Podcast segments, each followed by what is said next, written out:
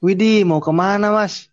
Udah gaya aja pakai tas gunung segala. Mau ke mana nih? Mau pergi aku. Udah suntuk aku mikirin tugas-tugas yang banyak. Mau healing sebentar lah. Ke mana? Ke gunung lah, masa ke Alfamart. Walah, ya udah, hati-hati ya. Jangan loncat ke jurang. Ceng ceng ceng ceng. Podcast Simakus balik lagi. Podcast Simakus balik lagi di sini. Yang pastinya seru abis nggak bosenin. Aduh, minggu-minggu UTS kayak gini bikin pusing ya, guys. Asli banget. Gimana kalian UTS-nya aman gak? Wah, nggak aman sekali kalau aku. aku masih masih ngerjain tugasnya satu tugasnya. Keteteran gak sih? Aku keteteran sih kayak ngerjain UTS UTS gitu. Sama, soalnya kan kalau misalkan UTS itu kan pasti kayak rada serentak gitu kan ngasihnya dosen-dosennya Ah. pasti ada tiap harinya. Terus kayaknya bareng, please. Heeh, iya, mana tugasnya nggak cuma yang selembar, tapi banyak lembarnya. Minta 20 lembar. Aduh, gimana kalian cara mengatasi itu? Atau Gak ada sih. Gak tahu. Kalau kalau aku sih bangun niatnya dulu aja. kalau kalau ada niat pasti selesai. jadi kalau itu pengen tuh ini ya kayak jalan-jalan gitu ke mana gitu ngilangin kayak ya stres lah ya Iyalah, haruslah refreshing itu perlu biar refresh otak Bentar juga kan. lah. Desember kali kalau liburan. Gas. tapi menurut kalian nih liburan ke mana nih yang paling mantep gitu? sukanya Tapi ke mana emang Misalkan- liburan. Ngomong-ngomong liburan, emang udah dibuka? Nah, ada sebagian yang udah dibuka eh seru sih Kalau ya, malam. Kalau- aku ini sih lebih enak tuh kayak ke alam gitu Nah iya bener. Nah, bener tuh. Ke itu sih ke air terjun kali. Keren banget lucu. boleh boleh mantep sih udahlah kita kayak ini aja jalan-jalannya online dulu aja biar nggak terlalu mumet sama tugas Yuk. Di YouTube. Iya. Nah, jadi di podcast Simakestak yang ketiga ini kita kedatangan tamu seorang pendaki nih yang udah mendaki beberapa gunung lah ya. Ada Mas Riki. Halo Mas Riki. Oke, halo teman-teman dari Himakes ya. Kalau boleh tahu nih, alasan teman-teman apa nih buat ngangkat tema pendakian? Apa nih, Mas Amar? Sebenarnya eh, alasan dari aku dari aku sendiri ya, itu kan pendakian itu kan eh, tadabur alam, kayak biar peduli sama lingkungan, terus biar apa kayak tahu alam itu seperti apa kayak gitu-gitu lah. Kalau aku sih eh, kenapa tertarik ngambil judul ini? Karena ya mungkin emang sekarang tuh kan lagi rame banget soal pendakian gitu banyak orang-orang yang pengen mendaki gitu mulai mendaki karena ya bosen juga di rumah kan pandemi pengen liburan kayaknya oke juga gitu Memang oke itu sih. Kalau buat healing healing, iya apalagi yang patah hati Hmm. aku terdiam. aduh aduh Mas Riki tinggal di mana sih kalau boleh tahu Oke, kalau aku sendiri sebenarnya dari salah satu kabupaten paling barat dari Jawa Timur ya. Aku dari Hmm. Magetan, kebetulan aku dari kaki Gunung Lawu. Jadi ya sedikit menunjang lah dari kegiatanku ini. hmm Gunung Lau berarti kaki gunung deket banget dong Kalau dari base camp ya mungkin Ah. sekitar satu setengah jam sampai satu jam lah kurang lebih Deket Oh. banget ya Ricky. dekat lah. itu kaki gunung pakai sepatu nggak Mas Enggak, di sini Apa sih. Mas Riki aku mau nanya Iya sok maka. kenapa sih kok bisa terjun atau tertarik ke dunia pendakian gitu Oke mungkin aku jelasin dari awal dulu ya secara runut gimana aku dulu ah. memulai dunia pendakian ini. Nah sebenarnya dulu aku mulai itu sekitar tahun 2015. Aku ingat betul tanggalnya tanggal 15 16 Mei tahun 2015 itu hari Jumat Sabtu. Itu jadi ceritanya gini kan aku dulu sebenarnya nggak punya ketertarikan ke sana tapi tiba-tiba ada temanku yang ngabarin aku mau pinjem power bank. Tahu sendiri lah tahun itu kan power bank masih cukup langka lah Oke, di tahun langka, 2015 terus waktu itu aku tanya mau buat apa terus ya temanku bilang mau naik gunung. Nah waktu temanku ngomong gitu aku langsung coba ngomong aku ikut sekalian gitu. Loh jadi nggak ada persiapan sama sekali tahun 2015 dan aku pun berangkat tanpa izin orang tua. Jadi Hmm, ya sebuah kecelakaan mungkin tapi akhirnya nyaman di dunia itu. Gunung apa tuh mas? Kalau pertama aku ke Gunung Lawu, tapi eh, kerasa banget ya perbedaannya dari dulu sama sekarang. Karena dulu aku berangkat bener nggak ada persiapan dan itu aku perjalanan hampir 7 jam itu cuma sampai pos 4 sedangkan kalau sekarang aku ya 5-6 jam udah sampai puncak. Berarti tujuannya itu cuma kayak iseng aja ikut temen gitu ya, nggak nggak karena patah hati gitu. waktu itu belum masih Oh, belum. SMP tidak begitu merasakan lah Oh iya iya iya iya. Ngomong-ngomong gunung nih, eh, gunung mana aja sih yang pernah kamu naikin? Oke, kalau gunung sebenarnya aku belum terlalu banyak juga. Karena ya itu tadi aku sebenarnya nggak terlalu ingin mengeksplor banyak tapi aku pengen mengeksplor gunung-gunung yang belum terlalu dikenal. Sebenarnya itu tujuanku. Nah kalau yang sejauh ini aku lebih banyak ke gunung-gunung di Jawa Tengah kayak Sindoro, Sumbing, Rau, Lawu, terus eh, Andong sama bukit-bukit lah. Kalau Jawa Timur mungkin baru Pananggungan ya sama rencana nanti tanggal akhir bulan inilah mau naik ke Raung sama teman-teman Napalus. Jawa Barat nggak ada mas? Ongkos tidak memadai bos. Aduh. Ongkosnya aja banyak tuh. Tapi kayaknya Jawa Barat gunungnya mahal-mahal deh. Ya maka dari itu aku kepikiran ke situ kan. Rata-rata ya seenggak-enggaknya 50 ribu lah per gunung. Iya ya. Kalau di Jawa Barat kalau di sana Jawa Tengah sih gimana? kita rata-rata ya kalau di Jawa Tengah itu harga Ah. tiketnya hampir setara maksimal itu 30 ribu maksimal itu ya udah Ah. hitungannya untuk beberapa hari kalau di Jawa Barat kan rata-rata hitungannya per hari kayak semisal 50 ribu lah segitu gitulah pokok intinya kebanyakan sharing dari teman-teman itu untuk simaksi saja itu kurang lebih ya butuh 100 sampai 200 ribu per orang Banyak ya. Iya emang Gunung Jawa Barat terkenalnya gitu mahal-mahal sih maksinya. Apalagi dari sana meren ya. Ongkos Masa- belum ongkos naik kendaraannya. Masa Akam sih nggak anu nggak gratis kan di sana? tidak ada orang dalam Iya susah nggak ada orang dalam. Aduh. Kan eh, kebanyakan di sini kan pendengarnya kan banyak yang baru nih. Apa sih persiapan yang buat pendakian kayak gitu-gitu? Yang buat orang awam gitu? Kalau mungkin yang teman-teman mau mulai ya atau yang udah mulai tapi belum terlalu serius ke pendakian ini sebenarnya aku punya tiga sih yang perlu diperhatiin. Yang pertama tentu fisik. Karena bagaimanapun kan kita berkegiatan pendakian trekking itu kan melibatkan aktivitas fisik yang ya cukup berat lah. Kedua Iya, iya, kita benar. persiapkan mental. Karena bagaimanapun sebenarnya mental ini juga penting. Karena ketika orang mungkin fisiknya tidak begitu kuat karena nggak terlalu sering olahraga tapi ketika mereka punya mental yang kuat untuk ke puncak rata-rata mereka bakal kedorong untuk terus berusaha gitu selain itu kan di gunung kan kita nggak cuma ketemu pagi siang sore tapi kita juga kadang ketemu malam nah kan rumornya di gunung-gunung kan agak mistis kan ya Iya. Nah, betul, betul, betul. maka dari itu kita juga perlu siap mental di situ. Nah, yang ketiga, kita perlu gear. Gear ini perlengkapan gunung.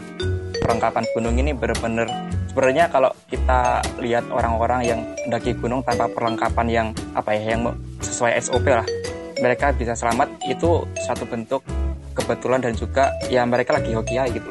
Tapi kalau Hmm. akan beda cerita ketika mereka dihadapkan sama situasi tertentu. Kayak semisal mereka tiba-tiba tersesat, terus tiba-tiba kena badai, kena angin besar di gunung. Kan ketika mereka nggak punya gear, mental sama fisik mereka kan nggak cukup bisa nge-backup kondisi saat itu gitu. Jadi gear itu juga per- juga punya peran penting ketika teman-teman mau memulai pendakian gitu. Kan sekarang juga udah banyak kan ya eh, tempat-tempat persewaan alat-alat pendakian.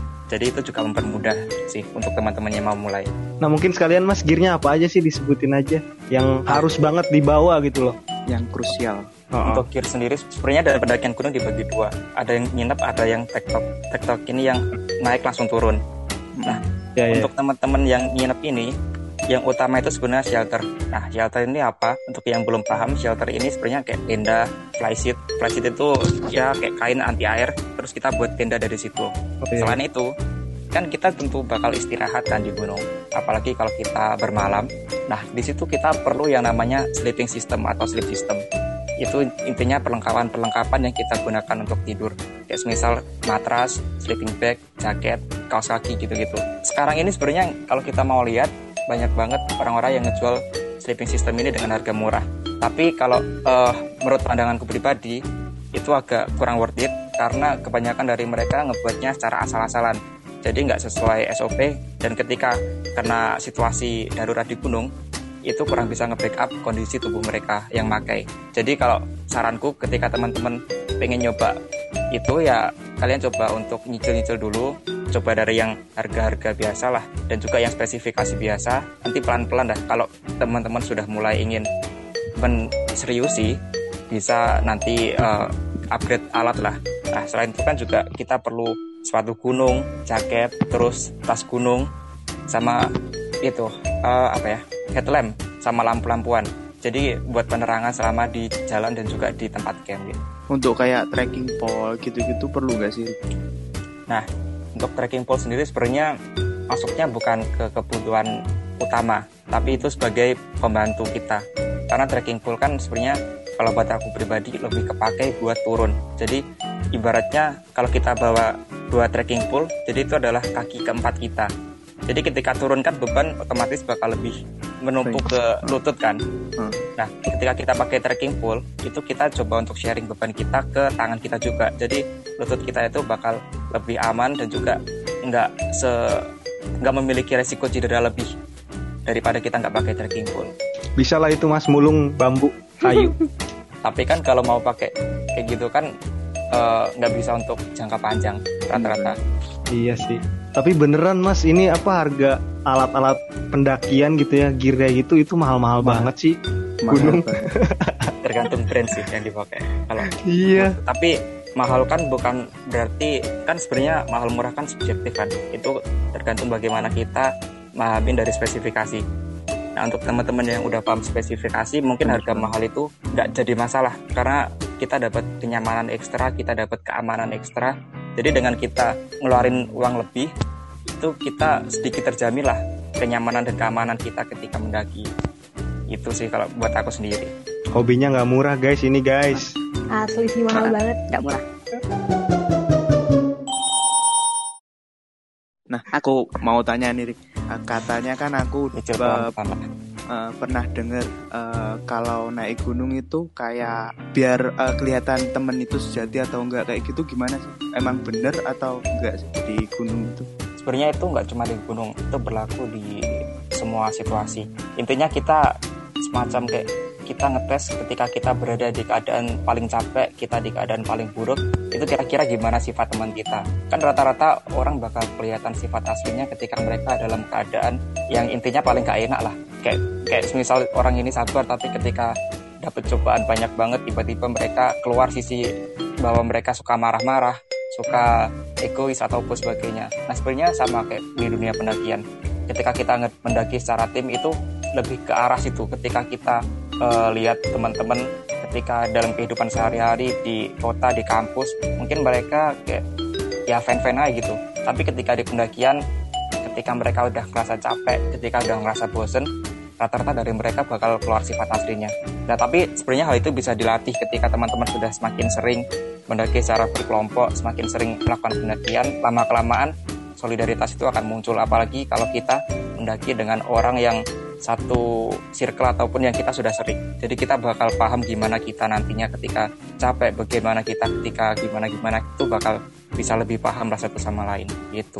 Mantap. Lengkap banget asli keren. Kamu malah jangan ikut na- nanjak lah, nanti keluar sikat aslinya. Heeh. Kenapa sih emang sikap aslinya? Kalau cewek rata-rata akan suka tidur di tenda, tidak suka memasak. Nah, Oh iya. bener. yang bener. masak tuh yang laki. Iya masak cowok. Wanita adalah ratu ketika dalam pendakian biasanya.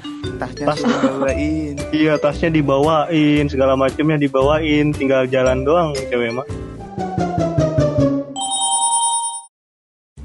Oke mas nih, pertanyaan lagi dari aku mas. Dari sekian banyak gunung gitu ya yang udah didaki tadi gitu, yang udah dijelasin ada gunung apa aja, Lau, tadi Sumbing, Sindoro dan sebagainya gitu ya teman-temannya. Mana sih yang paling berkesan lah, yang terindah Hmm. gitu, Iya paling indah gitu. Ah. Mana tuh? kesannya gitu. Nah, Siapa tahu jadi referensi ya? Ah, ah. mau Nah, jadi pendaki nih. kalau paling indah sebenarnya kita bisa lihat dua apa ya dua arah. Kayak semisal ada gunung yang indah tapi treknya lama terus ekstrim gitu kan kayak Ah. perlu perjuangan ekstra jadi nggak terlalu indah lah aku punya satu rekomendasi gunung yang benar-benar se worth it itu yaitu Gunung Perahu nah Ah. untuk Gunung Perahu kan sebenarnya nggak terlalu tinggi tapi view-nya itu kan mantep banget lah intinya gitu kan karena di perahu itu kita bisa ngelihat di depan kita ada Sindoro, Sumbing, terus Gunung Kembang dan landscape kota Wonosobo itu kelihatan dan itu mirip kayak logo salah satu air mineral minum air minum mineral yang Oh, cukup iya. populer di Indonesia juga dan juga Iya, iya. eh, untuk waktu perjalanannya itu nggak lama kayak semisal dulu aku pernah ke aku pernah dua kali kan ke perahu. Meskipun aku ke sana juga agak jauh sekitar 8 jaman dari tempatku itu via Patak Banteng dan juga via Dieng. Nah untuk via Patak Banteng itu cuma butuh waktu sekitar 3 jam untuk sampai puncak. Itu udah worth it banget untuk jalan 3 jam tapi dapat view yang sebagus itu. Nah kalau yang aku via Dieng itu sekitar 6 jam atau 5 jam lah. Jadi kalau bener-bener pengen cari yang indah dan cepet yaitu perahu via Patak Banteng kalau menurutku sendiri. Tapi itu gunungnya ramai banget gak sih? Kalau apalagi kalau hari libur gitu? nah kurangnya itu gunungnya rame. Jadi kayak kita mau ngapa-ngapain susah. Kan kita di gunung kan juga kayak beraktivitas seperti biasa kan. Ya kita masak kita tidur Hmm. kita buang air gitu-gitu kan. Jadi kalau seperti itu kan agak kesusahan. Tapi eh, kelebihan dari Gunung Perahu itu sebenarnya orang-orang di sana itu lebih punya etika ketimbang beberapa gunung di Jawa Timur. Karena sepem- sepengalamanku ketika aku ke perahu mungkin ya jam 10 malam itu udah mulai hening semua. Jadi kita benar-benar menghargai satu sama lain meskipun nggak ada peraturan tertulis ya. Jadi kayak benar-benar itu kesadaran Mm-mm. kita setiap jam 10 itu kita udah mulai hening semua. Nah aku juga pernah di salah satu gunung di Jawa Timur sampai pagi sampai subuh pun itu nggak ada nggak ada sepi-sepinya sama sekali. Jadi kayak orang dari sana sini saling bersautan terus mereka nyalain speaker yang kecil itu. Nah nyalain Iya, iya, gitu, gitu jadi kayak ngeganggu banget lah buat kita yang bener-bener pengen nikmatin alam tapi kok gini gitu loh. Mau ngudugem mah di kota aja guys, jangan ke gunung. Ada gak sih kejadian horor? Nah, Pasti ada lah, nggak mungkin nggak. nggak tahu ya mas maksudnya horor apa enggak. Tapi aku ada sedikit pengalaman sih sebenarnya kayak Hmm. tapi aku tipikal orang yang mencoba untuk melogikakan. Jadi kan kita setelah kita bepergian setelah kita perjalanan beberapa jam kan otomatis kita capek. Hmm. capek itu kan nggak cuma capek fisik kita kayak tiba-tiba kepikiran apa gitu kan. Kita capek Sugesti. pikiran juga. Jadi Ah. kadang ke sugesti. Nah kalau aku sendiri sebenarnya berusaha untuk melogikakan melogikakan sesuatu yang terjadi. Tapi ya ada beberapa hal yang mungkin nggak masuk akal buat aku juga. Itu sekitar tahun 2017 juga aku ngedaki Gunung Lawu cuma tiga orang. Tiga orang itu dua cowok satu cewek. Kita nggak bawa tenda sama sekali. Dan itu posisinya setelah Gunung Lawu kebakaran. Yang kebakaran hebat yang oh iya yang ramai itu ya. lah, yang tujuh atau delapan orang meninggal. Ah. nah itu. Nah itu kan aku berangkat bener-bener kayak dari rumah udah banyak banget halangan. Soalnya itu kita berangkat janjiannya jam 7 malam jam 7 malam. Tapi temanku kan kebetulan rumahnya lebih jauh dari aku jadi nyamperin aku dulu baru kita lanjut ke base camp. Nah waktu temanku sampai ke Gapura desaku itu tiba-tiba hujan deras. Habis itu ya aku samperin dulu lah. Habis aku samperin hujannya reda terus aku balik. Eh terus aku langsung lanjut sama temanku lanjut ke base camp. Tapi baru jalan 10 menitan aku lupa kalau nggak bawa jas hujan. Jadi aku balik lagi ke rumah terus aku lanjut lagi perjalanan 15 menit habis itu itu hujan lagi deras. Kayak bener-bener kita nggak di sini lah. Kayak terus habis Iya, itu reda lagi kita lanjut. Sampai base camp udah aman. Tapi pas di base camp itu kan aku posisinya masih SMP juga nggak punya KTP dong. Dan Iya, SMP waktu itu nggak punya eh kayaknya punya kartu identitas kayak KTA gitu tapi waktu itu aku nggak bawa kalau nggak salah. Dan juga kedua temanku ini yang cewek sama cowok ini juga nggak bawa jadi kayak kita di base camp udah sampai base camp tapi nggak bawa identitas sama sekali. Kita benar-benar lupa lah. Habis itu kita negosiasi sama pihak base camp. Akhirnya aku pakai jaminan STNK motor. Dengan aku ngomong bahwa bahwa ini adalah eh, alamatnya sesuai sama alamat gitu loh. jadi kalau ada apa-apa kan jelas kan. Akhirnya wes lah di eh, di sini. Nah habis itu kita jalan udah sekitar satu jaman. Posisi itu sekitar jam 10 malam. Kita mulai jalan atau nggak jam 11 malam lah cuma bertiga satu cewek Baru mulai, baru mulai mendaki. Ah, jam 10 malaman Wow. Heeh. terus? terus Nah, kita biasalah kita sambil jalan kita ngilangin penat kita nyalain lagu-lagu kan nah pas itu temanku tiba-tiba lagunya ganti kayak lagu-lagu sinden paham Oh, iya, iya. Asli ya Allah. tapi tapi temanku emang emang punya lagunya tapi kayak situasinya nggak pas banget gitu loh buat dinyalain di situasi itu kita yang bertiga di tengah hutan gitu Oke. Jadi kayak aku tiba-tiba feelingku kan nggak enak. Terus dari bawah itu ada dua pendaki tapi mereka mendaki itu pakai petromak tapi stylenya bener-bener style pendaki tapi kan waktu itu kita bertiga istirahat terus kita tahu pendaki itu terus pendakinya kan lewat kita tapi mereka berdua itu nggak nyapa kita sama sekali. Kita udah coba tegur mari mas gitu gitu kan di pendakian. Tapi mereka nggak ngejawab juga. Nah nyelonong gitu ya? ya langsung jalan aja gitu kan tapi setelah itu kan ya cuma 10-20 detik setelah itu kan kita coba ngikutin. Itu udah nggak ada orangnya. Bener-bener kita lihat atas kita lihat depan nggak ada cahaya sama sekali nggak ada orang jalan sama sekali nggak ada suara tapak kaki orang kan biasanya kedenger kan ya. Apalagi Iya, iya. kalau posisinya bener-bener hening nah itu nggak ada suara sama sekali. Jadi kayak itu siapa? gitu. Loh Apalagi habis hujan juga kan. nah itu. Siapa? selang waktu berapa tadi? 20 detik? Nggak sampai satu menit. Kan jadi seharusnya kan Ah. jaraknya kan masih kelihatan lah seenggak Iya, enggaknya cahaya lampunya yang iya lampunya ke kelihatan Lampu pohon-pohon kan kelihatan lah Ah. seenggaknya tapi Ah. itu nggak bener-bener nggak ada cahaya jalan sama sekali gitu tapi itu semuanya lihat nggak mas iya semua Teman-temannya. tapi Oh, tapi iya. yang nyapa cuma aku Oh, teman-teman iya. kan waktu itu juga baru pertama kali semua yang Ah. yang udah ya aku waktu itu cuma kedua kali atau enggak ketiga kali lah aku coba nyapa eh dikacangin sakit coy tapi itu Orangnya nggak Pak- orang bukannya manusia. tapi itu nggak nggak ada kejadian apa apa lagi mas? Nggak nggak ada lagi. Tapi di jalur yang berbeda aku juga pernah ngalamin. Kayak bener-bener. Eh, kan lawu kan ada banyak jalur kan?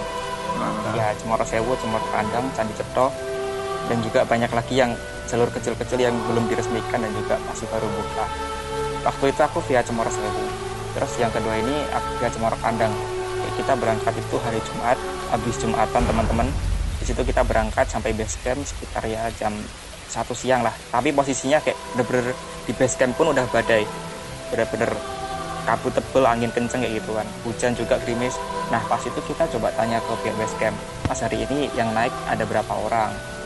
Nah dari base camp itu jawab untuk hari ini sama kemarin udah nggak ada yang naik mas. Cuma dari rombongan ini sampean cuma dari rombongan kalian gitu. Hmm. Hmm. habis itu kita naik. Pas naik udah sampai pos 1 mau ke pos 2 itu kita ketemu dua orang turun tapi disapa nggak jawab juga. Padahal seharusnya kan nggak ada nggak ada orang sama sekali. Soalnya dari base camp kita konfirmasi Iya, iya, nggak ada orang naik sama sekali dan udah turun semua. Jadi Hmm. seharusnya kan nggak ketemu orang. Itu mereka disapa tapi posisinya masih jam 3 jam 4 sore ya. Kan Oh, aku iya, datang iya. jam jam eh jam satuan siang. Masih jam 4 jam 3 lah. Ya bener-bener mereka disapa kayak cuek aja gitu. Terus kita lanjutin perjalanan nggak kepikiran apa-apa habis itu kita sampai ke pos 2 aman sampai ke pos 3 nah pos 3 ini posisinya kita bener-bener udah capek banget. Kan di perjalanan kita diterpa hujan badai terusan nah habis itu kita sampai sekitar maghrib. Pas maghrib itu kita kan di situ tetap posisi hujan. Kita akhirnya nginep di dalam posnya itu. Nah malam-malam itu temanku kayak tiba-tiba nggak temanku sih kita semua dengar ada langkah di luar tenda. Seharusnya kan itu posisinya hujan juga mas yang di luar. Seharusnya kalau itu benar-benar orang ya seenggaknya itu pos 3 mereka istirahat sebentar. Karena kan di pos 3 ada bangunan. Jadi buat berteduh sementara kan ada. Itu kayak mereka nggak ada orang sama sekali. Langkahnya benar-benar kedenger sama suara rame-rame orang jalan bapak-bapak suaranya. Habis itu temanku kayak manggil pak pak gitu. Tapi nggak ada nggak ada yang jawab. Di situ kita ya ya udahlah santai kita. Tapi temanku waktu itu udah takut kayak ayo kita doa doa doa gitu. Terus habis itu setengah malamnya di atas pos kita itu kayak ada orang main kerikil tau nggak? Kan posnya kan Wah. atasnya pakai pakai eh, seng asbes gitu tapi yang dari besi. Nah Hmm. pakai itu kayak malam-malam kat keluar kat keluar Kat," gitu. Temanku kebangun lagi dia kayak tiba-tiba ngomong eh, doa yuk doa yuk gitu gitu. Kalau aku mah udah santai kan soalnya waktu itu aku udah ya cukup udah lumayan sering lah mendaki jadi kayak udah nggak kepikiran ke arah sana soalnya aku coba untuk ngebangun eh, apa ya sugesti yang positif jadi aku nggak kepikiran ke sana tapi temanku semua udah pada takut semua sampai kita mau buang air kecil pun kita nggak berani untuk keluar dari pos ya bener-bener harus semua ikut keluar baru kita berani gitu loh Hmm. Iya. ini teman-temanku takutnya kayak kayak itu Itu kamu sih anjir. itu kamu Iya naik itu berapa orang gitu? kalau yang di Cemoro Kandang itu aku berlima kalau yang Cemoro Sewu aku bertiga ganjil Bukan. semua Katanya kan naik gak boleh ganjil katanya. ya kalau aku sih gak terlalu mempermasalahkan ganjil genap ya soalnya aku pun juga udah beberapa kali solo hiking naik gunung sendiri jadi ya nggak terlalu ada masalah buat aku jadi ya mungkin tuh ke bawah sugesti lah sama kan ganjil kan identik sama hal yang nggak baik kan kalau di budaya Jawa Heeh. jadi kalau aku sendiri yang penting kita niatnya baik kita nggak melakukan hal yang di luar batas kayak gitu gitu ya harusnya aman gitu Nah ngomong batas-batasan itu eh, apa sih batas-batasan yang nggak boleh dilakukan atau di eh, etikanya di gunung itu kayak gimana sih? Nah, untuk itu sebenarnya tiap gunung, setiap pendakian itu, jalur pendakian itu punya namanya peraturan. Nah, peraturan itu ada yang peraturan secara umum, ada peraturan yang berdasarkan daerahnya. Jadi kayak semisal peraturan di daerahku di Magetan itu bakal beda sama peraturan yang ada di daerah Temanggung atau Wonosobo karena kan kita punya budaya yang berbeda. Nah, kalau aku sendiri sebenarnya kayak nanggepin aturan yang secara kebudayaan ini itu yang penting intinya sopan kalau buat aku. Nah, tapi aku juga sama teman-temanku nggak jarang kita ngomong-ngomong apa ya? Kayak kita ngomong kasar Hmm, ala-ala gitu, orang gitu. Jawa lah. Ah, Jawa Timuran lah. Uh, tapi ya nggak ada apa-apa. Yang penting kan kita nggak kalau aku intinya nggak kita nggak buang sampah, kita nggak nebang-nebang pohon, kita nggak melakukan kerusakan secara fisik itu lebih baik daripada kita eh, ngomongnya santun tapi kita tiba-tiba ntar buang sampah, tiba-tiba ntar kita bakar ini itu kayak gitu-gitu. Intinya yang penting kita berlaku sesopan mungkin karena posisinya kan kita di tengah hutan. Kita nggak cuma hidup sendiri tapi kita ada hewan-hewan yang mungkin kalau kita tebang pohon ini kita bakar pohon ini kan itu bisa jadi tempat dari hewan-hewan itu dan juga nggak bisa dipungkiri kalau kita hidup di Indonesia kan kita juga cukup erat lah kaitannya sama hal mistis. Jadi kita lakukan sewajarnya kita senyamannya tapi tetap sebisa mungkin tidak melakukan tindakan yang mungkin menyinggung atau melukai dari makhluk-makhluk lain itu sendiri. Gitu kalau aku. Aku juga ada sih cerita horor. wah mantap gitu. Gimana gimana? Ya pokoknya dulu sih ini dulu banget. Waktu zaman SMP juga sama waktu pendakian pertama ke salah satu gunung daerah sini juga gitu kan. Jadi kebetulan gunung itu emang terkenalnya tuh ya mistis gitu. Jadi banyak orang-orang yang emang eh, jarah ke ke sana lah. Jarah tahu nggak? ya Tahu tahu tahu. Ah, jadi banyak orang-orang yang jarang lah ke ke sana gitu. Nah, dulu waktu berangkat ke sana tuh ya banyakan juga gitu berapa orang ya? 8 atau berapa orang lah kurang lebih. Nah, di perjalanan itu ya gak ada apa-apa sebenarnya. Cuma ya kita trekking tuh malam kan ya. Jadi ya nggak terlalu kelihatan ke kanan kirinya gelap kan ya. Nah, di pendakian perjalanan itu ya aman-aman aja. Nah, ketika kita sampai puncak tuh di atas gitu ya. Ah, kita di sana langsung ini aja langsung kayak pasang tenda dan segala macem dan itu tuh kita cuma bawa tenda satu doang gitu satu doang dari delapan orang itu ya di sana emang banyak ini banyak warung gitulah banyak warung yang emang di puncaknya tuh ya tempat jarah gitu banyak banyak apa ya ah, saung-saung atau kayak apa ya gazebo gazebo gitulah ya ya di atasnya gitu. Nah di situ kita diriin tenda, posisinya gelap, kita nggak tahu ngediriin tenda tuh di mana gitu ya. Ada lapangan luas, kita diriin di situ. Semalam itu ya nggak kejadian apa-apa, cuma ini kejadian yang aku rasain aja sih. Cuma yang pas malam, pas tidur, pas tidur itu aku tuh eh, kayak ada sosok makhluk yang datang di dalam tenda itu di pinggir gitu, di pinggir di pinggir aku sendiri gitu di situ. Kayak dia tuh duduk di situ gitu ada sosok makhluk kayak kakek-kakek gitu. Nggak tahu ini nggak tahu bener atau enggak ya aku juga nggak tahu gitu mimpi atau enggak tapi ini kayak nyata banget gitu. Jadi dia tuh duduk di situ sampai-sampai aku tuh tidurnya ini nyampe apa ya mepet-mepet ke teman gitu mepet-mepet ke temen pokoknya gitu nah di situ Berarti itu kau sendiri yang tahu ya Iya, aku sendiri yang tahu. Nah, habis itu ya aku ngasih tempat buat dia duduk. Gak nggak lama itu dia kayak ngajak ngobrol gitu. Pain gitu kamu ke sini gitu. Ya aku jawab kan, kita ke sini cuma mau silaturahmi aja lah, pengen tahu yang ada di sini tuh apa aja gitu, pengen ya main-main doang lah gitu. Nah, habis itu si kakeknya itu kayak jawab juga. Eh, dia bilang, oh gitu, kalian di sini jangan macem-macem ya. Jangan minta apa-apa jangan minta yang aneh-aneh. Jaga tingkah laku juga gitu. Nah gitu. Nah habis itu ya ya udah gitu. Habis itu udah kayaknya uh, aku juga udah kayak tidur lagi atau nggak tahu tidur atau enggak ya. Tapi keperasaan mah nggak tidur gitu loh. Kayak ngelihat aja gitu. Nah, habis itu pagi bangun tuh. Ya pas bangun tuh keluar tenda kan lihat situasi kondisi di pinggir-pinggirnya ternyata di pinggir-pinggirnya itu ya tempat petilasan gitu loh jadi kayak ada makam-makam gitu di pinggir pinggir tenda itu tuh. Makam-makam wah ternyata kita pasang tenda di pinggir-pinggirnya kayak gini gitu kan. Kalau misalkan semalam sadar mah nggak mungkin pasang tenda di sini gitu. Nah habis itu ya aku cerita ke teman pas di bawah sih pas di bawah cerita ke teman bla bla bla. Oh pantesan kata temen aku teh uh, kamu tidurnya waktu malam mepet-mepet terus kirain ada apa? gitu. Ya gitu sih itu jadi pengalaman yang ya lumayan juga sih pendakian pertama gitu kejadian kayak gitu. Lumayan horor sih kalau menurut aku mah gitu. Gitu guys. Aduh. Aku baru ingat juga ternyata aku punya satu lagi yang mungkin paling epic menurutku ya. Uh, apa tuh? Yang pengalaman. Kayak SMA kelas 2 atau enggak kelas 3 aku lupa pastinya. Itu aku mendaki bertiga juga tapi dua cewek aku cowok sendiri.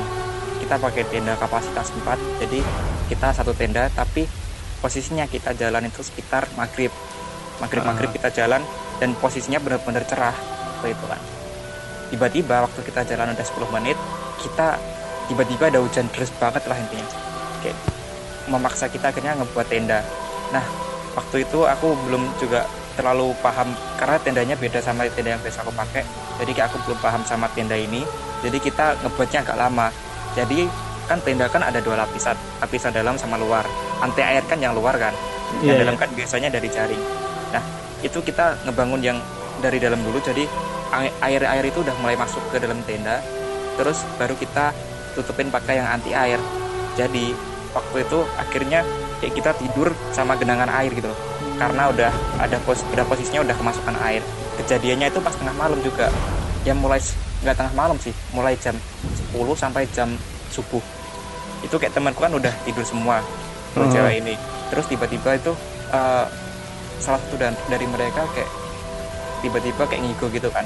Bilang kan apa aku juga dipanggil Ricky kan gitu Ki kamu tutupin pintu tendanya gitu. Padahal itu posisinya udah tertutup. Dia bilang tutupin pintu tendanya. Terus aku posisinya kan tidur kan. Dia bilang Ki kamu jangan keluar jangan keluar. Di luar ada gini gini gini gitu kan. Terus habis itu tapi posisinya dia masih tidur. Aku coba bangunin nggak bangun. Terus habis itu aku coba nenangin tapi tetap nggak bangun kan nah habis itu dia bilang Ki di belakang tenda ada pohon kayak gini nah di sebelah tenda, di sebelah pohon itu ada kayak gini gini gini posisinya aku nggak tahu kalau di belakang di belakang tenda aku ada pohon warnanya putih kayak pohon apa ya kayak pohon jambu jambu yang jambu merah hmm. kan hmm. teksturnya kulitnya kayak oh, gitulah iya, iya, kulit iya. batangnya iya. tapi warnanya full putih tapi itu posisinya dia masih tidur kan habis itu aku bilang iya ya aku nggak aku nggak keluar aku nggak keluar tenda gituan tapi tetap sampai subuh itu dia kayak ngigo gitu terus jangan keluar tenda jangan keluar tenda. Soalnya kayak dia itu menyampaikan seolah-olah aku udah di luar tenda gitu loh. Padahal aku posisinya masih di dalam tenda. Sama hmm. tutupin pintu terus dan waktu paginya aku coba cek ternyata di belakang tendaku benar-benar ada pohon yang warnanya benar-benar full putih dan itu pohonnya tinggi dan lumayan besar lah. Akhirnya aku kayak mau ngebahas itu tapi ya ntar kalau udah balik lah aku gitu. Kayak itu bener-bener aku sampai dari malam sampai subuh nggak tidur sama sekali. Karena aku takut temanku ini kan tiba-tiba lari keluar kan lari nggak lucu kan. Aku mutusin buat stay nggak tidur akhirnya. Uh, kalau boleh tahu loh ya itu itu itu itu apa yang di samping pohon atau di luar? Wah jangan disebutin dong ya Allah. Aku kurang tahu ya lupa sih lebih ke lupa. Karena kan udah SMA kan sekarang udah hmm. mahasiswa semester 5 udah lumayan tua. Jadi kayak kayak apa ya wah intinya ada sosok di sebelah pohon ini kayak gitu. Di belakang tenda kita. Jadi aku kayak yang tiba-tiba ya kayak di tenda itu kayak ada yang gimana ya kan tenda kan bawahnya kan dari terpal ya waktu itu pindah oh. itu kayak ada yang kaki orang nyelip terus kayak goyangin tenda dikit lah. Aduh ya Allah mas. habis itu habis itu ya aku nggak terlalu mikirin itu. Yang penting intinya temanku ini aman dulu lah. Habis itu ya itu baru paginya aku cek oh, ternyata bener ada pohon di belakang tindaku tapi Apalagi? aku sendiri nggak ngerasain gangguan yang benar-benar ngebuat aku takut gitu. Jadi kayak ya santai lah stay cool aja. Nah, apalagi kamu lagi sendiri tuh. Eh, yang dua bener-bener tidur. Yang satunya itu tidur posisi ngiku nggak bisa dibangunin satunya tidur nggak bisa dibangunin tapi ya tidurnya tenang tapi nggak bisa dibangunin juga Kok bisa banget sih ya tidurnya pada nyenyak? Aku mah nggak bisa sih ya tidur nyenyak di gunung. Ini ada satu pertanyaan yang mungkin paling menarik nih. apa tuh Ah, ini minta pendapat dari Mas Riki aja sih sebenarnya. Kan sekarang nih banyak banget ya kayak kerusakan-kerusakan lingkungan yang terjadi khususnya di Indonesia ini ya. Ada yang kayak penebangan pohon lah liar gitu, kebakaran, pembakaran, terus kayak pertambangan juga gitu. Banyak banget kan gunung-gunung yang emang diambil batunya segala macem lah. mulai dikeruk lah kayak Ah, banyak banget tuh. Nah gimana nih pendapat Mas Riki sendiri mengenai kejadian-kejadian tersebut? kalau dari aku sebenarnya ini pertama miris ya tentu terus kedua aku ya kayak rasa sedih ya karena kan itu tempat bermainku lah kasarannya Aha. yang ketiga aku kecewa juga karena di mana pun kalau kita sadar bapak presiden kita kan beliau memiliki background pendidikan di kehutanan. I think seharusnya juga dia memiliki kepekaan lebih terhadap isu-isu lingkungan karena kan itu eh, apa ya disiplin ilmu beliau lah tapi Nah. ya kalau kita lihat faktanya kan ya lebih cenderung sekarang itu tindakannya kan eksploitatif di mana kalau di sekitaranku lah di tahun-tahun 2018 itu ada rencana untuk pembangunan geotermal jadi pemanfaatan panas bumi untuk tenaga apa ya tenaga listrik atau apa gitu aku lupa di Gunung Lawu Iya, iya. Nah itu kan udah dapat penolakan dari banyak orang. Akhirnya sampai sekarang masih mangkrak lah proyeknya. Tapi aku nggak kebayang ketika nanti itu terlaksana, itu bakal banyak hutan yang akhirnya digundulin, terus banyak tanah-tanah dan lain-lainnya akhirnya dikeruk. Ini sebenarnya jadi fokus praktikumku juga kemarin ketika aku kemarin praktikum di praktikum komunitas. Itu aku benar-benar masuk ke wilayah desa yang salah satu desa tertinggi di Magetan dan yang paling asri di Magetan. Nah di sana sebelum praktikum aku kasih pembekalan kayak seberapa penting sih lingkungan dan kelestarian lingkungan untuk kesejahteraan masyarakat, kesejahteraan manusia. Karena gini, sebenarnya kalau kita ngomong lingkungan itu kita juga bakal ngomong kehidupan manusia. Karena bagaimanapun itu kan tempat tinggal kita kan. Yang aku Benar-benar. bayangin ketika nanti lingkungan ini rusak, itu gimana kita bakal bisa dapat air bersih, gimana kita bakal ngerasain tanah yang subur, gimana kita nggak rawan bencana. Jadi yang aku pikirin ke arah situ. Kan Iya, iya, orang-orang yang bertindak eksploitatif kan cenderung memikirkan bagaimana mereka dapat benefit dari kegiatannya. Hmm. Tapi mereka sering kali lupa bahwa dengan aku mengeruk tanah, dengan aku menebang pohon, itu mungkin di 10-20 tahun ke depan sumber air akan mati. Atau enggak ancaman bencana alam akan melanda semua orang. Atau enggak tanah yang dulunya subur sekarang nggak bisa ditanamin lagi karena mereka udah kehilangan ya zat-zat yang ada dalam tanah. Nah, secara nggak langsung itu juga berpengaruh ke kesejahteraan masyarakat dong. Karena bagaimanapun air kan salah satu hal yang paling utama dalam kehidupan manusia. Kita pakai buat masak iya, kita pakai buat minum iya, kita buat cuci-cuci iya, dan masih banyak lagi. Tanah juga seperti itu. Kan kita nggak cuma makan pakai pakan pakai makanan yang dari hewani, tapi kita juga dari tumbuh-tumbuhan. Ketika tanah udah mulai nggak subur, ketika eh, sumber air udah kering, kita ke depannya bakal makan apa gitu loh. Bakal Iya, iya, banyak bencana manu bencana itu nggak hanya dari alam tapi juga bencana bencana kemanusiaan. Alhasil kita sebagai eh, orang-orang mungkin kalau kita nggak akan merasakan karena aku rasa itu dampaknya mungkin untuk jangka panjang. Tapi bagaimana untuk generasi yang ada di bawah kita nanti? Mereka nggak akan bisa ngerasain mandi di sungai karena sungainya udah kering. Mereka nggak akan bisa mancing-mancing di sungai karena ikannya nggak ada, orang airnya nggak ada kan. Dan mereka mau nanam apa pun udah nggak bisa karena tanah itu sudah rusak.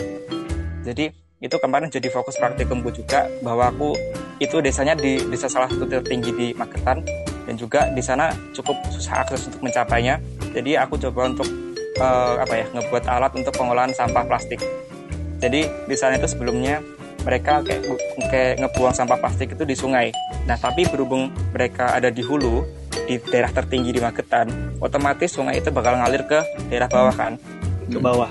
beberapa tahun belakangan di, di beberapa daerah di Magetan, terutama yang di pesisir sungai itu, udah mulai mengalami kebanjiran. Jadi ki- kita benar-benar mulai fokus ke situ karena itu eh, dampak dari yang mereka lakukan gitu loh ketika dari yang Iya, hulu melakukan pembuangan sampah sembarangan ya mungkin mereka nggak bakal ngerasain efeknya tapi mereka yang di bawah yang di hilir itu ngerasain bener-bener efeknya kayak mereka tiba-tiba biasanya musim hujan nggak pernah kebanjiran sekarang kebanjiran ya gitulah jadi itu sebenarnya timbal balik dari eh, apa yang kita lakukan kepada alam sih kalau gambaranku kayak gitu Iya iya iya, aku sepakat sih itu. Intinya ya kita itu hidup itu ya bergantung kepada alam gitu. Ya, kalau misalkan alamnya rusak, mutualisme lah ya iya gitu. Alamnya rusak ya kita nggak bisa ngapa-ngapain gitu. Intinya gitu. Sepakat sih. Ya kita gitu ya kalau misalkan hujan, kebanjiran, panas, kekeringan, aduh. Ya itulah ulah-ulah manusia. di di daerah kalian suhu sampai berapa kalau siang Kalau di sini berapa ya? 36 kali. 36 3 ya 36-an. di tempatku yang lumayan terkenal sejuk ya sekarang pun Hmm. udah sampai 35 derajat padahal biasanya ya kayak maksimal cuma 31 lah sekitar 31an tapi sekarang udah sampai 35 derajat. Beberapa hari ya hampir semingguan inilah. Kayak bener-bener kerasa banget karena itu tadi kan. Sebenarnya kan itu dampak dari yang kita lakukan juga. Kita ngebuang sampah sembarangan kita ngerusak lingkungan kita tidak memperhatikan apa yang ada dalam lingkungan. Jadi alhasil ya itu tadi kita bakal dapat dampaknya. Dan sekarang kita udah mulai ngerasakan dampaknya di mana eh, musim hujan sekarang udah mulai nggak tentu kan kalau dulu kita bisa kasih patokan bulan ini sampai ini terus musim kemarau bulan ini sampai ini tapi kalau teman-teman sadar eh, beberapa tahun belakangan musim hujan kan mulai udah mulai nggak tentu kan kayak semisal Iya iya iya. bulan Agustus sudah mulai hujan harusnya kan Agustus kan masih kayak Kemarau. puncak ke- puncak kemarau lah terus bulan Mei yang harusnya masih kemarau ma- baru mulai kemarau udah mulai musim hujan lagi gitu kan jadi itu juga sebenarnya efek dari kegiatan yang kita lakukan juga gitu Oke, semoga kerusakan-kerusakan yang terjadi di Indonesia ini khususnya kerusakan lingkungan semoga bisa berkurang lah ya Mas ya. amin Amin. Heeh. amin paling serius Terakhir deh ini terakhir pesan buat teman-teman yang baru mulai mendaki ada nggak Mas gitu, pesan-pesan buat mereka yang mau memulai? untuk pesan-pesan sendiri sebenarnya gini balik lagi ke awal sedikit balik ke awal Nah, karena aku ngelihatnya kan sekarang dunia pendakian udah mulai ramai banget kan ya. Kalau kita lihat trennya belakangan kan hampir semua orang sekarang udah bisa mulai mendaki. Karena bukan Iya. jadi hal yang sewah dulu. Kalau dulu kan mendaki benar-benar kita perlu effort untuk kita iya, iya. cari tena- cari transportasi kita cari informasi pun masih susah. Jadi dulu kalau kita naik gunung itu sebuah kebanggaan. Iya, karena keren keren. se- karena selangkah itu orang yang naik gunung kalau sekarang kan udah mulai semua orang bisa. Nah, tapi yang sering kali keluputan dari orang-orang yang mulai menekuni pendakian saat ini, itu mereka kayak udah nggak memperhatikan keselamatan mereka. Jadi mereka benar-benar ngedaki asal-asalan.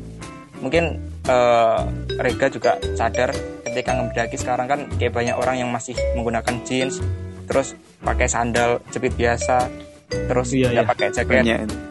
Kayak gitu gitulah intinya. Iya iya banyak. itu sebenarnya ya kalau sekarang kondisinya kalian nggak dapet cuaca ekstrim it's okay. Tapi kalau kena angin kenceng yang bakal nge-pick up kalian itu udah nggak ada. Karena gear kan intinya kan perlengkapan.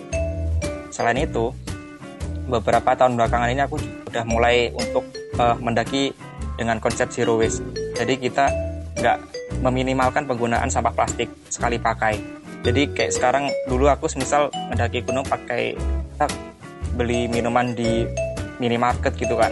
Kalau sekarang aku udah mulai coba untuk bawa tumbler sendiri. Jadi atau enggak bawa jerigen sendiri. Jadi seenggaknya kita bisa meminimalkan penggunaan sampah plastik yang sekali pakai. Dan itu kan juga sebenarnya baik untuk lingkungan juga. Nah selain itu juga eh, apa ya lebih ke arah kita tetap juga jaga sopan santun kita. Meskipun kita nggak bisa jaga secara sempurna tapi kita seenggaknya lakukan sesuatu hal yang menurut pandangan banyak orang itu adalah hal yang benar. Kayak misal kalau memang kita nggak bisa nahan untuk berbicara kotor tapi berbicara sesuai. Jadi kayak sesuai itu kayak kita sapaan gitu kan meskipun bahasa kotor tapi itu masih tetap wajar. Bukan kotor yang benar-benar merajuk pada satu hal yang kayak apa ya kayak arah-arah yang benar-benar nggak bisa ditolerir.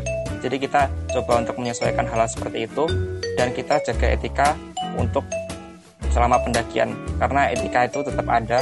Kayak misal tadi yang aku sampaikan bahwa kita mulai kehilangan etika untuk menghormati satu sama lain. Contohnya dalam beristirahat kita udah mulai nggak mikirin orang lain itu juga salah juga. Jadi seenggaknya kita sebagai orang-orang yang sudah mulai melakukan pendakian atau kita mulai menekuninya kita juga memikirkan bagaimana orang lain yang akan memulai. Jadi jangan sampai uh, kita memberikan apa ya dampak negatif terhadap mereka lah. Kayak nanti tiba-tiba ada orang yang baru naik terus mereka ngerasain di gunung ternyata rame ya gak enak. Itu kan mereka juga bisa jadi kapok kan. Sedangkan kalau mereka kapok itu juga berpengaruh ke apa ya jumlah pendakinya. Jadi kalau sekarang kalau kita lihat mungkin dari pihak-pihak base camp itu kan udah mulai makmur lah seenggaknya. Karena mereka pertama dapat dari tiket simaksi terus kedua mereka dapat dari jasa penitipan kendaraan secara nggak langsung kan kita sudah mulai memutarkan perekonomian di wilayah tersebut, di wilayah base camp terutama. Warung makan yang dulunya mereka cuma kerja sebagai petani, sekarang mereka bisa kerja sebagai petani sekaligus jualan makanan. Jadi kayak yang makanan terus suaminya ladang ke sawah gitu kan. Jadi kita sebenarnya bisa ngebangun perekonomian juga secara nggak langsung.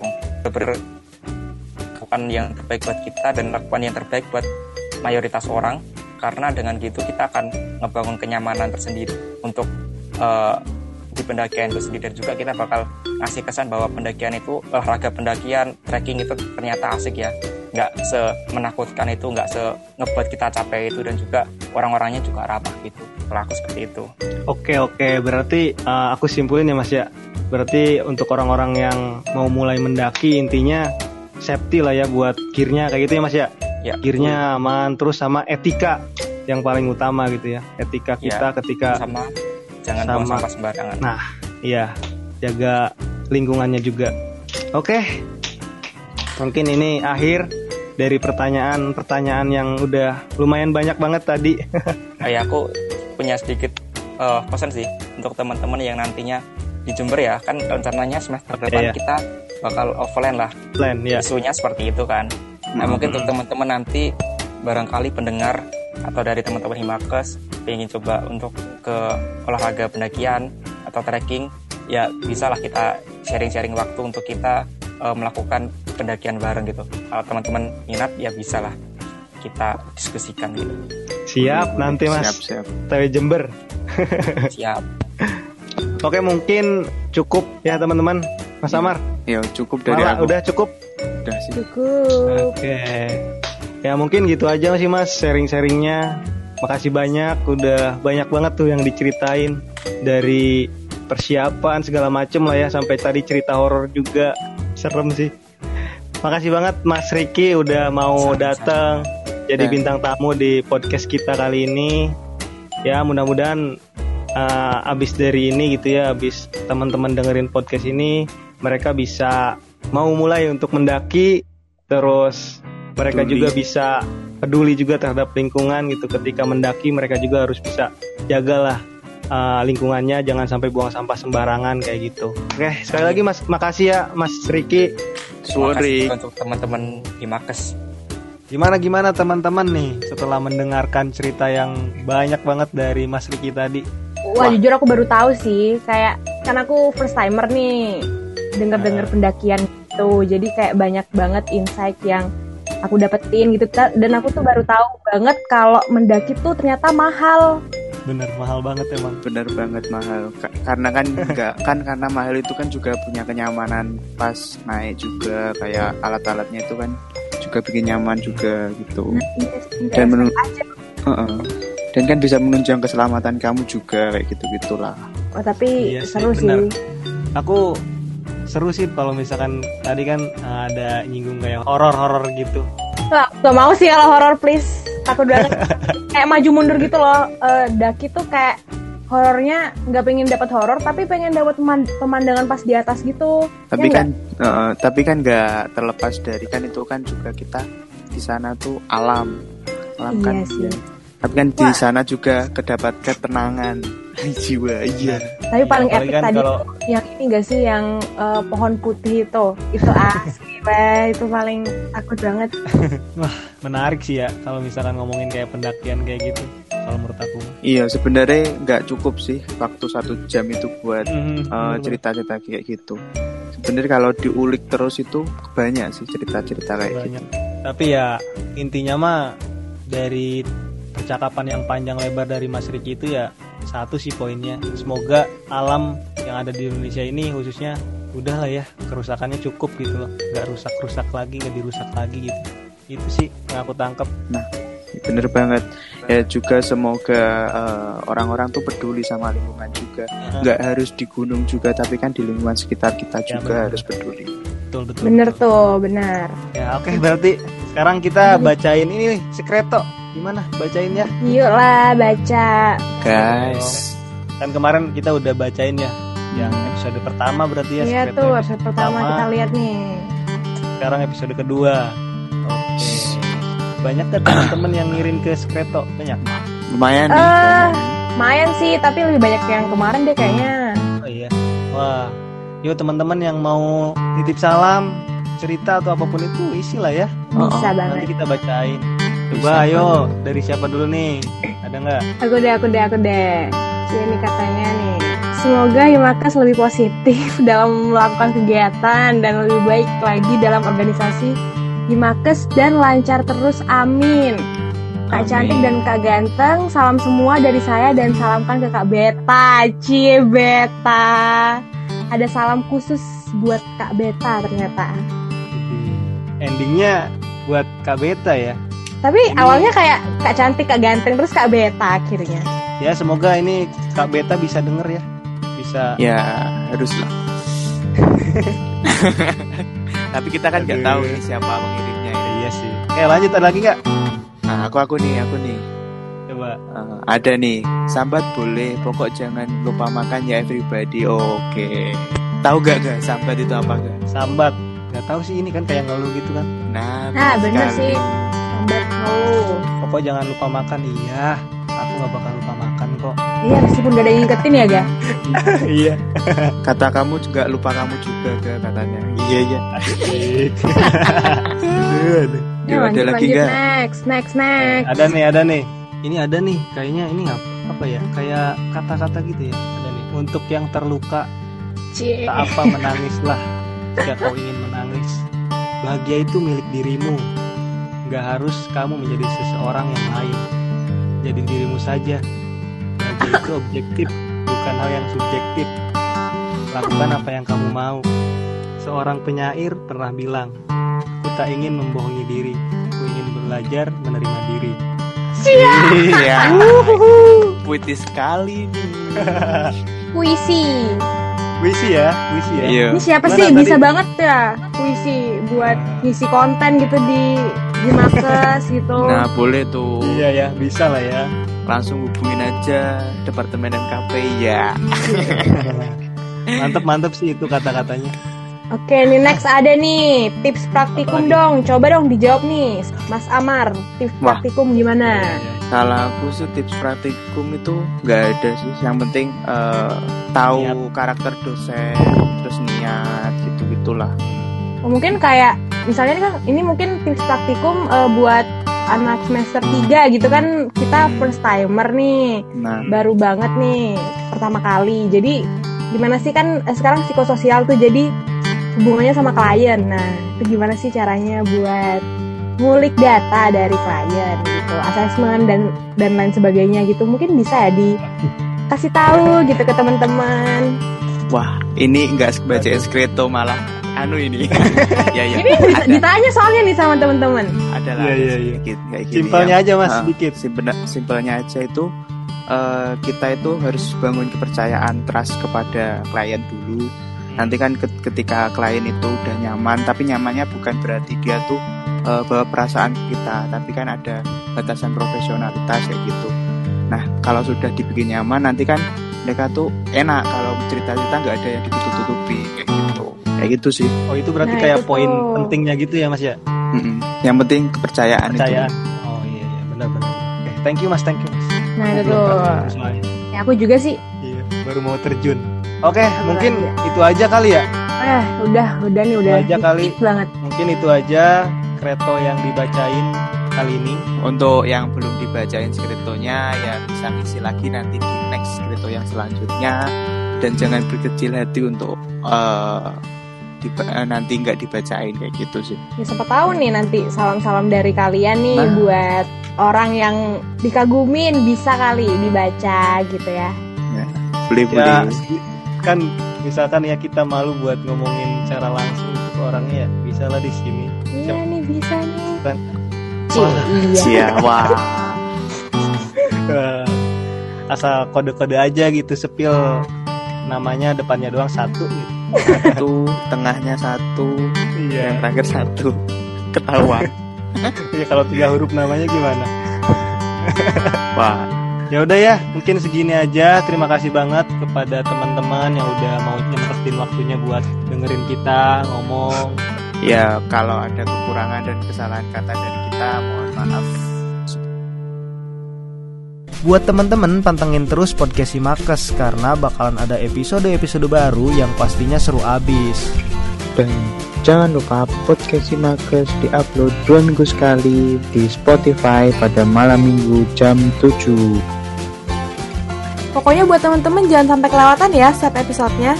Aku Rega, Aku Lala dan Aku Amar, sampai, Sampai jumpa, jumpa di podcast Simakes berikutnya. berikutnya.